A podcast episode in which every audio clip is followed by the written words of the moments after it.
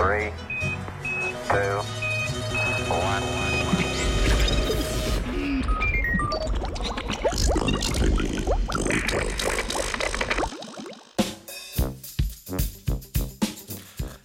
Tako je govoril Enkelad.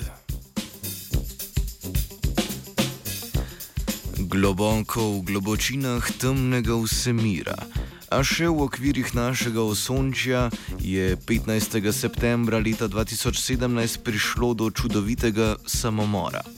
Storilec oziroma žrtev je bilo vesoljsko poplivo Cassini, neumorni raziskovalec planeta Saturna.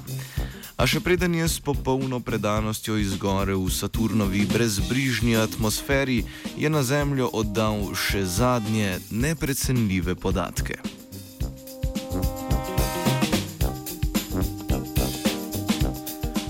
Na planetu Zemlja so znanstveniki in znanstvenice iz različnih koncev in krajev Kasinju v čast in spomin te podatke pridno obdelali. Po težkih in napetih urah analize so prišli do spoznanja, ki so ga objavili v prestižni reviji Nature.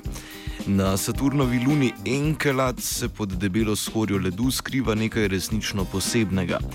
Znanstveniki in znanstvenice so s podatki spektrofotometričnih analiz v curkih pare, ki bruhajo iz razpok ledenega planeta, odkrili organske makromolekule. Čeprav so slednje nam vsem dobro poznane in jih na našem planetu je na pretek, veljajo v širšem vesolju za pravo pravcato redkost. Njihova prisotnost na Saturnu v naši neposredni sosedski pa zatorej nikakor ni majhna stvar. Če bi k zadevi pristopili senzacionalistično, bi najprej zatrdili, da njihova prisotnost priča o obstoju nezemeljskega življenja na Enkeladu. In čeprav to ni potrjeno, še zdaleč ni povsem nemogoče. Vendar odkritje ni zanimivo samo z te perspektive. V iskanju izvora življenja je v zadnjih letih namreč precej popularna hipoteza, da se je življenje na Zemlji začelo v tako imenovanih hidrotermalnih vrelcih, ki se skrivajo v najtemnejših globinah naših oceanov.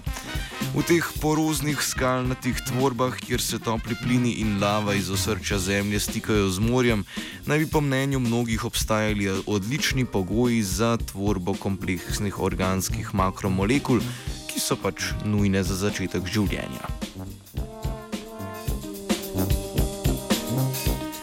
Odkritje kompleksnih organskih makromolekul na Enkeladu torej lahko priča tudi o obstoju hidrotermalnih vrelcev, kar pa kaže na to, da slednji v vesolju ne bi smeli biti neka redkost.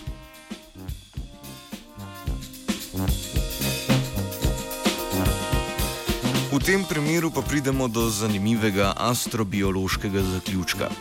Če za začetek življenja na nekem nebesnem telesu potrebujemo hidrotermalne vrelce in če so ti precej pogosti, potem bi v našem vesolju moralo biti mnogo teles s potencialom za začetek življenja.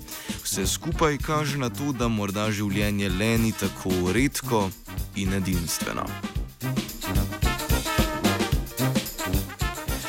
S to prijetno ali neprijetno mislijo, odvisno od vašega odnosa do nezemljanov, zaključujemo zadnji znanstveni Britov v letošnji sezoni. Slavamo!